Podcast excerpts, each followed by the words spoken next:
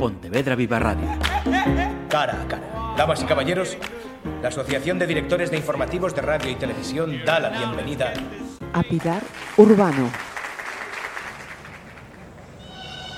Tienen los catalanes una costumbre festiva, el castel, una colla, un grupo de fortachones eh, castellers, hombres y también mujeres, adiestrados para unir fuerzas entre sí y soportar a otros compañeros sobre sus hombros para formar una torre humana de varios pisos. Abajo, a pie de calle, el grueso más numeroso de la colla, bien enlazado, aguantará el peso de todos. Sucesivamente, nuevos grupos de castellers van escalando pisos, se sujetan entre sí, apoyándose descalzos en los hombros de los de abajo y reciben a su vez a otro círculo de castellers que sube sobre ellos y se mantienen sin perder el equilibrio. La torre va adelgazándose, haciéndose puntiaguda a medida que los círculos de castellers menguan su número. Y así se elevan los pisos hasta alcanzar 8, 9 y hasta 10 niveles todos prietos, agarrados y unidos, mientras que un casteller joven, ágil, un mozalbete peso pluma, pero diestro en la trepa rápida, en cuestión de muy pocos minutos, segundos casi, sube y sube, apoyándose en la firmeza de los demás. Ese trepa es la enchaneta. Corona la torre escalando a sus compañeros hasta lo más alto. Una vez arriba, sintiéndose seguro sobre los hombros de un casteller musculoso que lo mantiene en la cumbre, alza un brazo y levanta la mano. A ese gesto triunfal lo llaman hacer la aleta y así se queda un momento sin apenas sujeción, como señal de que se sostiene por sí mismo. Desde allá arriba, la enchaneta escucha los aplausos del público, la música que lo festeja, vive su momento de gloria. Ah, pero el jefe de la comunidad que forma la torre humana, la Cap de Colla, hace saber al muchachito, no te ufanes, Coronaste el castel gracias al esfuerzo, al aguante y a la unidad de todos nosotros. Nos debes tu triunfo. Fin de la metáfora. Las deudas se pagan, antes o después o durante. Comprometen, obligan, maniatan, esclavizan. El do utes, más que una ensoñación de éxito, se convierte pronto en una pesadilla sean negocios, sean prestigios, sean logros políticos, el hombre encaramado y mantenido en lo alto del poder con las ayudas prestadas de otros sabe que, si no paga, lo dejarán caer. Vive en el vértigo y va pagando a plazos, grandes promesas y pequeñas entregas. Pero el tiempo apremia, el insomnio avejenta y el acreedor, el que amalgamó y le prestó X diputados de su colla y de otras, para tejer una moción de censura que derribase al rival y volvió a prestarle el quórum de diputados que lo alzaran hasta la presidencia del gobierno y lo mantuvieran en la cumbre del Castel día tras día, empieza a aumentar los intereses de la deuda. El do ut des se va sustanciando en una mesa secreta de negociación, en una mesa donde a Lenchaneta se le recuerda cómo se lo aupó y cómo puede precipitarse abajo. Entre esas pequeñas entregas, todo el mundo vio que de la rebelión se pasó a la sedición. El cumplimiento de penas de los líderes secesionistas juzgados y condenados se abrevió vertiginosamente al pasar en un abrir y cerrar de ojos del primer grado de prisión al tercero, con generosas salidas de tiempo, realmente una semilibertad a renglón seguido y sin que ninguno de los condenados reconociera su culpa ni pidiera perdón ni mostrase arrepentimiento, se les concedió el indulto. En otro orden de cosas, hasta en la Unión Europea lo advirtieron y pidieron explicaciones. No parecía ni justo ni transparente el reparto comunitario de los fondos de liquidez autonómica, en descarado beneficio de Cataluña. Pero quedaban obstáculos por remover ambiciones por aplacar. El Cap de Colla reclamaba en favor de sus presos y de sí mismo arreglar cuanto antes lo de la inhabilitación, la malversación y la pena de prisión. El inexorable pagaré del do ut des y el eco del o tornaremos a hacer, lo volveremos a hacer, que resonaba pertinaz como un amenazante, te hemos mantenido ahí arriba, pero si no cumples, te dejaremos caer. El 10 de noviembre de 2022, la enchaneta trepadora anunció, como un rey Midas, repartidor de fortunas, la reforma del Código Penal, que al día siguiente se registraba en el Congreso. Sin vuelta atrás. Reforma a la medida de las necesidades del CAP de Coya, suprimir el delito de sedición y modificar el de malversación rebajando las penas en beneficio de los políticos independentistas condenados por el proceso. Y toda la tramitación en menos de un mes antes de que acabase el año, porque a cambio la Colla facilitaba al gobierno sacar adelante los presupuestos. Cabal, pacta sunt servanda. Y Junqueras exigía la habilitación, puente de plata, para ser presidente de la Generalitat. Y aún más, poco después, declaró que los presos del procés pedirán al Supremo su absolución, toda vez que ha decaído el delito de sedición. Patente de inocencia, página en blanco y sin pasar por ningún Jordán.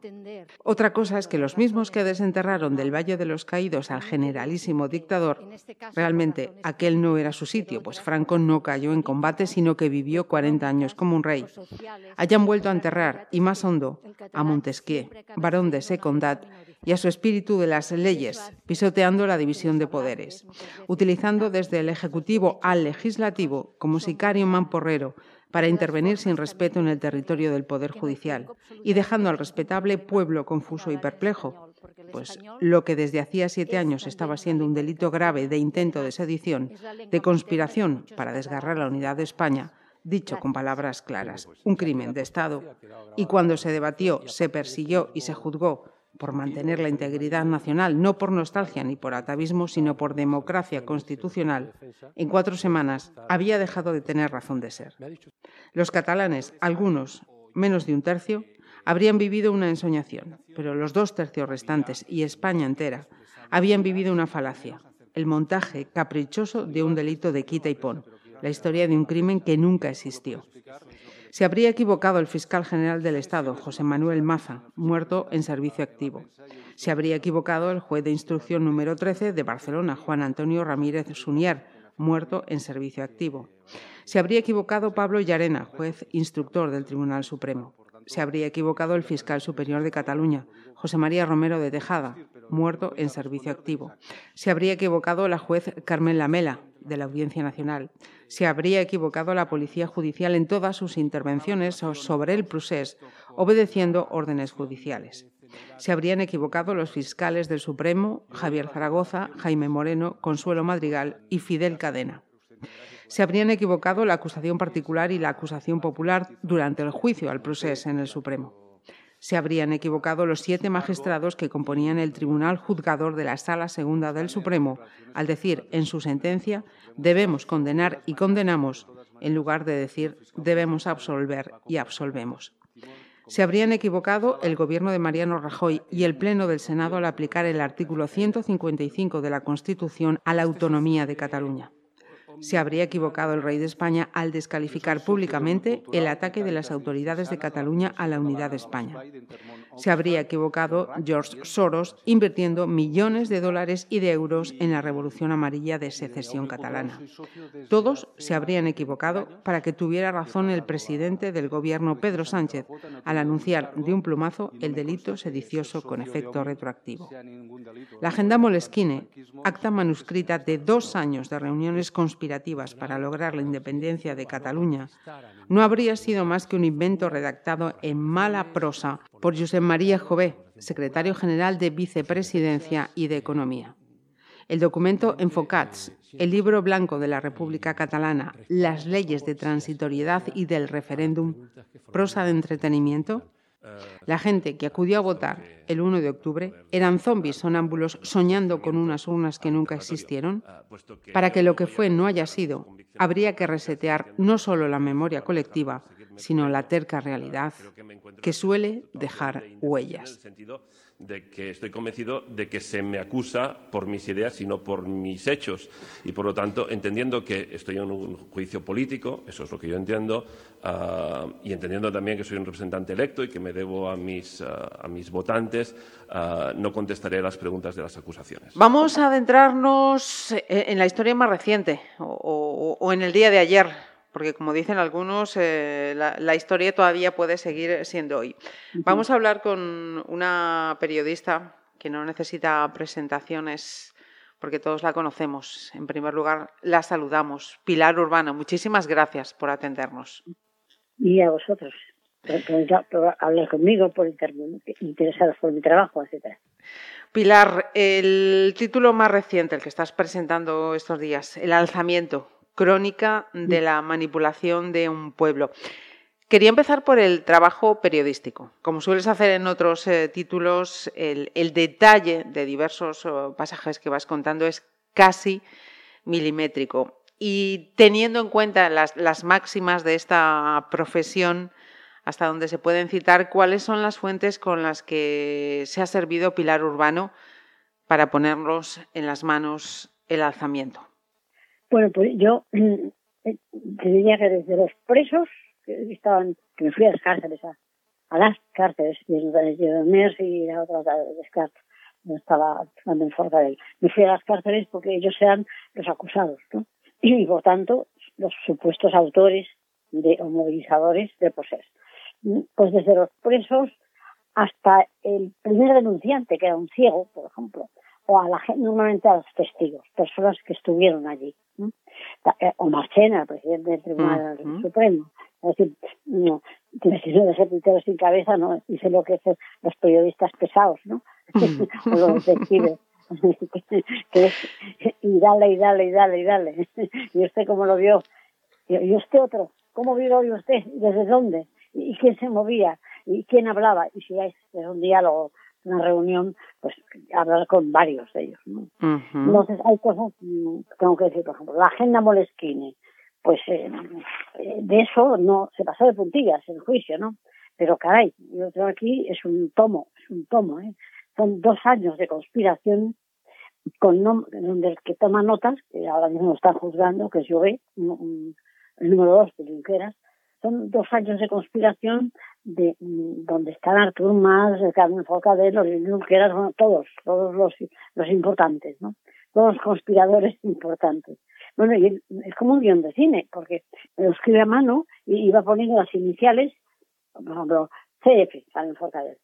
Y dice ya, no, esto no sé cuánto, en catalán, él lo a mano, OAJ, Oriol Junqueras, es decir, que ahí no se salva nadie. es un registro, es una prueba brutal, ¿no? De, una conspiración que no, es de una conversación de café, es que se reúnen en la casa de los canonses y todo el año 2015 y el año 2016. Y pone la fecha y pone quién. al, al único que no le pone nombre, le pone unas iniciales MHP, es Most Honorable Presidente. Y es bueno claro. Entonces, eh, es, vamos, es una una prueba. Yo no, no pude hablar con todos ellos, con algunos sí, pero, pero tengo una prueba, tengo un dato. bueno, el dato no es un papelito, es un tomo. O, por ejemplo, el, los dineros invertidos por George Soros, Bill Gates, no, no solo Soros, el, el oligopolio de los multibillonarios. Te quería preguntar también por ahí, sí. Pues ya, me preguntarán. Eso tengo aquí un grafo hecho por, por el propio Soros. O sea, un, gráfico, el dinero negro, pero el gráfico está en colores, o sea que ahí, ahí se, se decanta en color, ¿no? y, los nombres de, de los think y de las escuelas de no se sabe qué, de no se sabe qué, y de las ONGs, pero vamos, son 450 y tantas entidades que coloca en Cataluña en, un año, en, menos de un año. Bueno, yo hablé con, yo hablé con todo el mundo, hablé con todo el mundo, o sea que testigos y, bueno, por supuesto, jueces me los reservé para, para el final cuando ellos podían hablar, porque mientras estaba, o sea, cuando ya había sentencia, pues sí, hablé con todos, con todos los magistrados. Y empezando por Marchena, y varias veces. Han, han hablado de 200 entrevistas, sí, pero no eran 200 testigos, eran 60 eh, o 50 o 40, 50 o así, pero varias veces, sí. Y además también email. O sea, yo, mm, en eso me puse pesada, pues, no pesada, es que tenía, tenía que, contrastar y que las cosas coincidieran, ¿no? Trabajo periodístico minucioso. Mira, Pilar, pasando al título, ¿lo, tuviste claro, más que el título, digamos que el apellido? Si en lugar de crónica de la manipulación de un pueblo, habías pensado en ese el viaje a ninguna parte, como citas y explicas en el libro yo hice 11 folios, 11 folios, 11 folios de títulos. Pero mm, esto es muy normal, mm, vamos a ver, cuando en, para venir en el periodismo, como publicaba una columna en 52 periódicos, pues les daba para que variasen, les daba títulos distintos. O sea, me acostumbraba a la titulación. Además, este, este libro da, sugiere títulos, por ejemplo, yo sé, enterrados con sus togas. Va, te, apetece, te estoy así, ¿no? pero este título lo tomé mm, de la sentencia, porque la palabra alzamiento, que es un título en broma, yo estoy jugando aquí a un doble sentido, porque mucha gente piensa el alzamiento nacional de Franco, ¿no? Pero por otra parte, es que en la sentencia no lo llaman, no llaman golpe, lo llaman el alzamiento. 47 veces. 47 veces. De modo que a mí no me pregunten, responsable del título, la sentencia del Supremo. 47 veces. Y luego varias veces más hablan de cuando los que se alzaren, los alzados, todo, eso. ¿no? Bueno, pues en realidad tiene una razón de ser, que es que se jugaban con un arma que era la masa.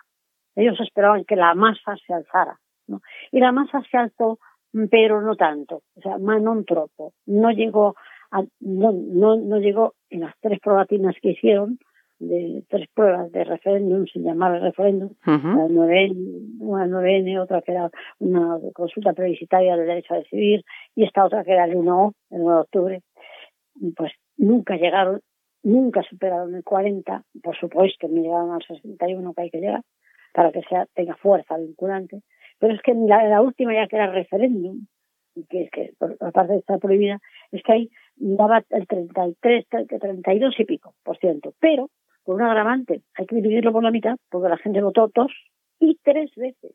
Y porque votaban también fuera del censo adolescentes de 13, 14, 15, 16, las que no tenían, no llegaban a los 18 años. No, lo que, aparte de ilegal, no es válido como cómputo. Ahora, eran muchos más, desde luego, eran muchos más que los 12 que estaban en la sala.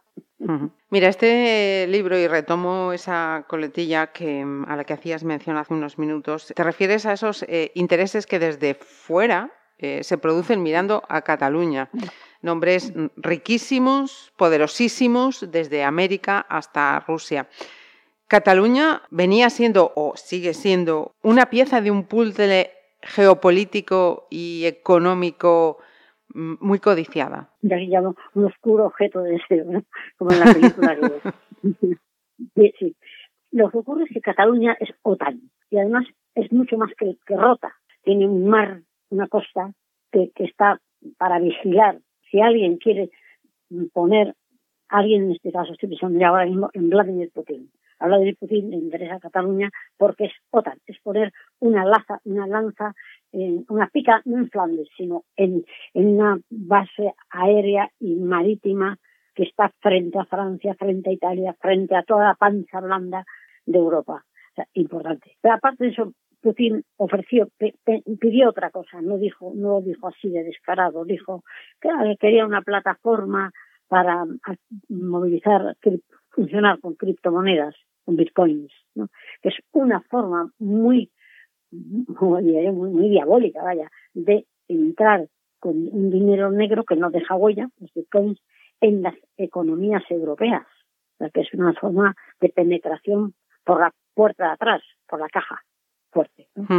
ya que sé con Putin, no sé si tienes tiempo, ¿no? Pero bueno, Putin, eh, este tema no se improvisa en un día. Se llevan varios años en lo que se llamó la, se ha llamado la red o trama Bolhol, que eran catalanes que negociaban con rusos, catalanes con nombres y apellidos. Eh, Vendrell, Oriol Soler, Madí, Víctor Terradellas, podría seguir. Hay una una de unos cuantos, no, tampoco una, una masa, ¿no? Son un grupete que negocian con los espías, espías que están asentados ya en Cataluña, concretamente en Barcelona, con sus despachos, como, como hombres de negocios, como hombres de consultores, lo que compran es información, información del deseo independentista que tenía Cataluña, que tenía parte de Cataluña. Así que no uh mucho esto la menor parte de Cataluña. De hecho, se ven los fracasos de las tres pruebas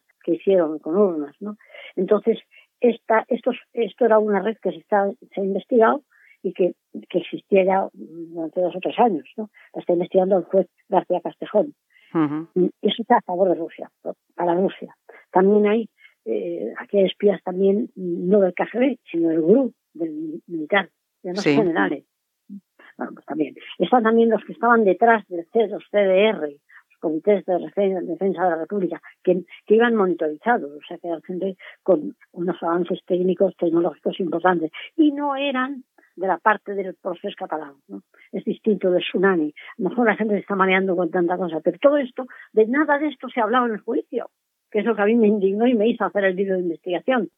Porque dije, pero el proceso, ¿quién lo decía? ¿Quién lo hacía? ¿Quién lo pagaba? ¿Quién mandaba? ¿Quién? Eh, lo que queremos saber, ¿no?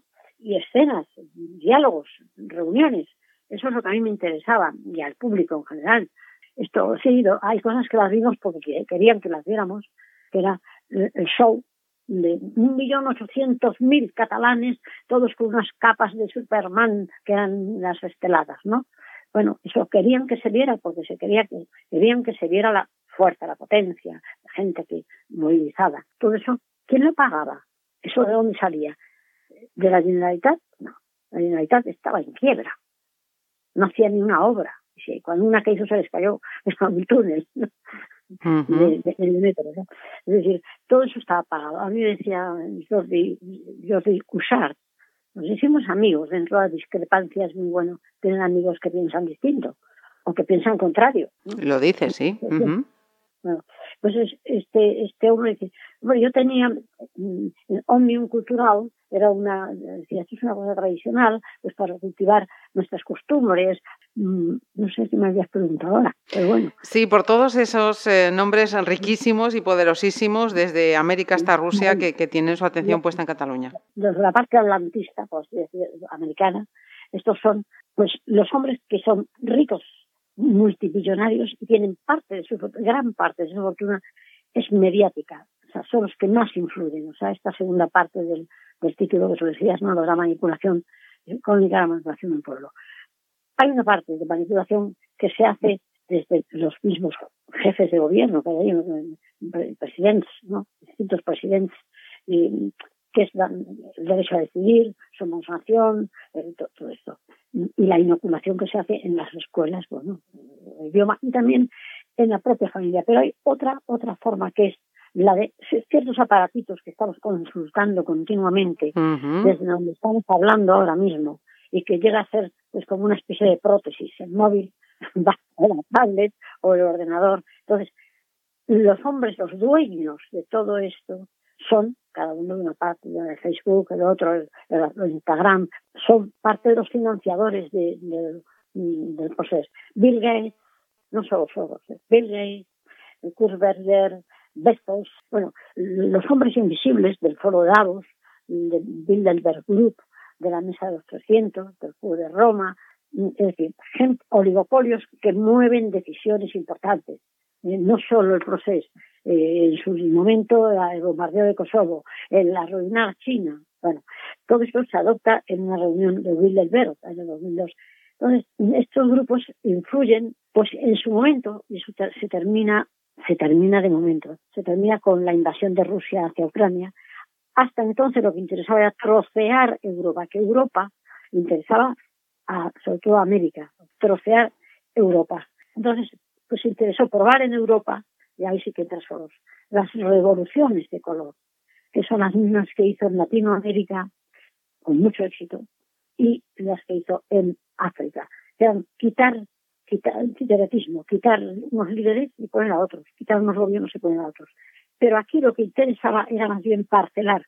Muchas Andorras, muchos Luxemburgos, mm, en vez de la Unión Ibérica que quería Portugal, que quería unirse a España, no, no, romper España, o sea, aprovechar el Estado de las autonomías para que las autonomías fueran cada vez más autónomas y menos Estado, más sociedades. Y ahí entra, juega la Open Society Information, que es la que mm, capitaliza Soros, ¿no? y, es eh, sociedad, sociedades abiertas, abiertas en todo, en todo terreno, para quebrar, para contratar, para trasladar el dinero, para que no haya, eh, no se castiguen los, los los dineros tránsfugas, esto offshore, ¿no? O sea, esas, esas cuentas de, de, paraísos fiscales. Que todo sea un paraíso fiscal. En definitiva, lo que Putin pide, ¿no? y un paraíso fiscal para jugar los, para actuar con bitcoins, ¿no? Pero eso también lo querían, bueno, los, gestores que yo he mencionado, y que hay más, ¿eh? hasta el duque de Edimburgo ¿eh? quería también esto. En definitiva, los, los oligopolios lo que pretendían era apoderarse del poder político, o sea, que el poder fuese el económico. o sea, cuando, el dinero manda, la, la dictadura es mayor, porque claro, te amenazan el sueldo, te amenazan el empleo, te amenazan el pan, te amenazan los precios, te amenazan los tributos, los impuestos, y no tienen que pasar por ninguna cortes. Pilar, el proceso por obra o por omisión vemos que ya se venía gestando antes eh, de que el tripartito de, izquierda llegase al gobierno catalán y hay un nombre propio o el de un clan propio que es el Puyol. Digamos que fue o fueron como, como quien va derramando un reguero de gasolina. Sí, mm, Puyol hace una cosa. Él dice que no es independentista solamente una vez, una vez, muy al final, dijo, no soy independentista, pero si me pusieran ahora una urna cerca, votaría. Entonces Felipe González, que estaba allí al lado, pues, estaban recibiendo a un mandatario americano, un sudamericano, dijo Felipe González con sorna, pues lo prudente sería que no le pusieran la urna cerca, ¿no?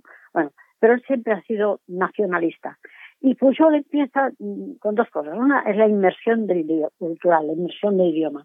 El idioma de la mamancia, el que ha mamado, el que uno ha mamado, con el que ha llamado a su madre y a su padre, a su, no sé, al padre, a la madre, al abuelo, al bisabuelo, lo que se ha hablado en casa, eso forma, da un amor a la patria chica, da un amor al, hogar, ¿no? Y es bueno, es bueno, es lo afectivo, es bueno.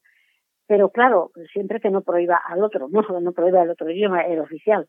Pues yo dijo un día, y es muy, conocido, somos seis millones, somos seis millones eso a los catalanes les deja estupefactos y orgullosos de, potencia. Y a continuación dice, esto lo traduce. Quiere decir que aquí, en Cataluña, no hay forasteros, no hay charnegos. Todo hombre y toda mujer que vive y trabaja en Cataluña es catalán. Y la continuación, punto y seguido. Somos nación. Ojo, ahí ya está columpiándose, claro. Somos nación. Y luego sigue como si no dijera nada y el 20%, representamos el 20, aportamos el 20% del PIB mm, de España. Claro, a ver qué catalán va a quedarse humillado o acomplejado con eso. Al contrario, sacan pecho. Entonces empieza el supremacismo. Y luego ya vamos, tenemos derecho a decidir, claro, decir, tú tienes derecho a decidir, yo te lo digo a ti, tú a mí. Y, y dice, pues claro, yo quiero decidir si me compro la ropa de verano con flor larga o corta, con flores o sin flores, con cuadros, así como de, de, postre melón o sandía.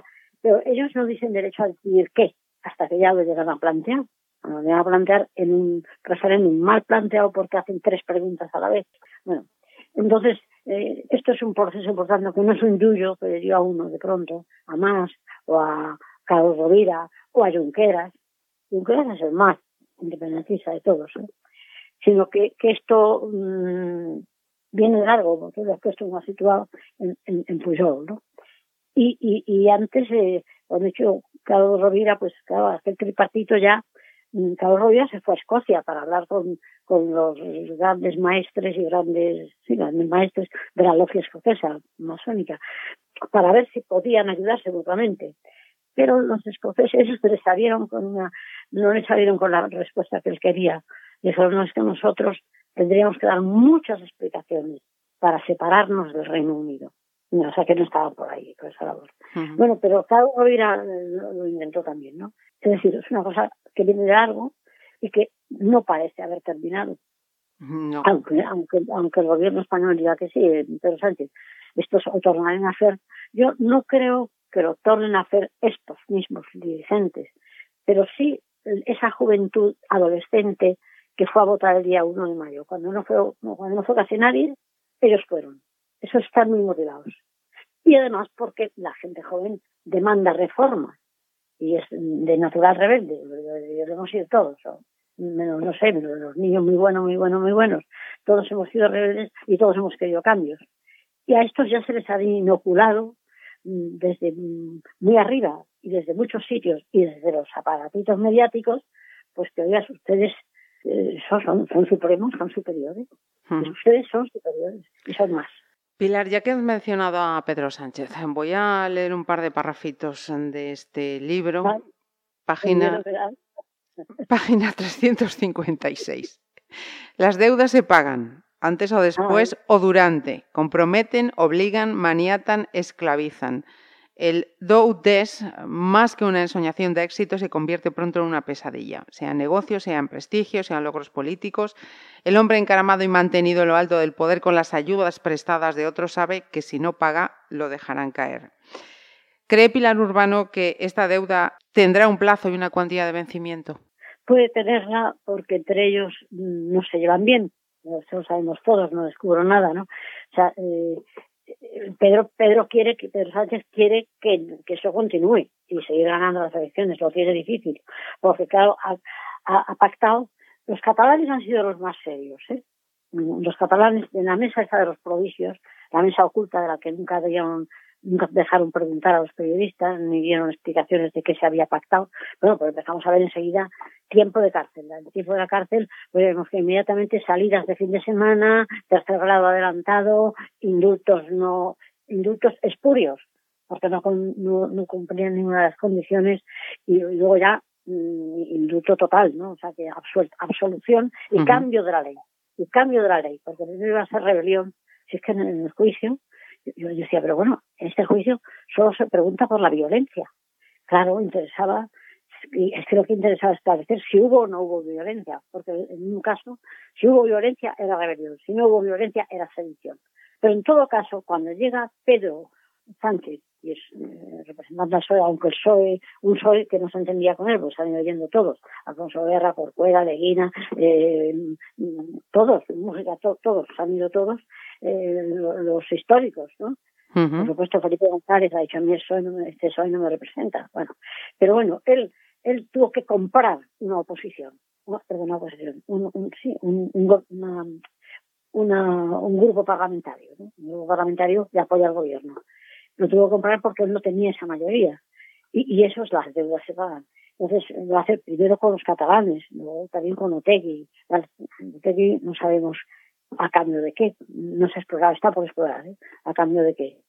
Pero él, iba tomando, ojo, eh, vamos a ver, en, libros, en el libro cuento una reunión secreta, una cena secreta, en la que se pacta hacerle la moción de censura a Rajoy, y, el taramar a, Pedro Sánchez. Y ahí están Junqueras, Oriol Junqueras, la número dos, Marta Rovira, y Pablo Iglesias. Y se, casa, se hace en casa de, de, de Roures, de Mediapro, que tiene la exclusiva, la casi exclusiva de la transmisión de, los, de todas las partidos buenos del fútbol, ¿no?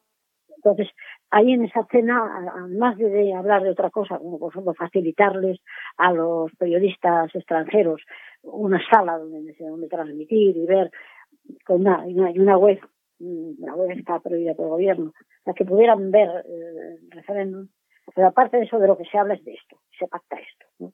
Entonces, eh, pacta sunt servanda, o sea, los pactos son para hacer, para cumplirlos. Y, y claro, el que toma a dar se obliga, y ese toma prestados unos diputados que no tenía, por tanto unos votos que no tenía, y, y perdón, se me están avisando, no sé si me estoy pasando de la hora. Entonces, muy rapidito, esa deuda tendrá un plazo de, de cuantía y de vencimiento. Entendemos que... Ahora, él ha tenido la mala suerte de, de pactar con unas personas que eran muy revoltosos y se peleaban entre sí, ¿no? Y entonces, claro, estos, eh, y luego ha llegado esta Yolanda Díaz, a, que ahora llaman la Kill, Kill Jolly, la asesina Jolly, pues porque está, está cortando cabezas, ¿no? entre, entre los propios miembros del gobierno. Bueno, eh, eh, de modo que esto es un loquero, ¿no? Y yo creo que ahí él o gana elecciones de verdad y gana con los diputados de verdad por las urnas o, no, no, puede repetir la experiencia de comprarlos. Pues eh, desde luego charlar con Pilar eh, estaríamos aquí tiempo, tiempo y tiempo, pero tiene más, más compromisos que atender. Así que Pilar Urbano, muchísimas gracias por atendernos. A vosotras y a ti, a ti, es muy amable. Adiós.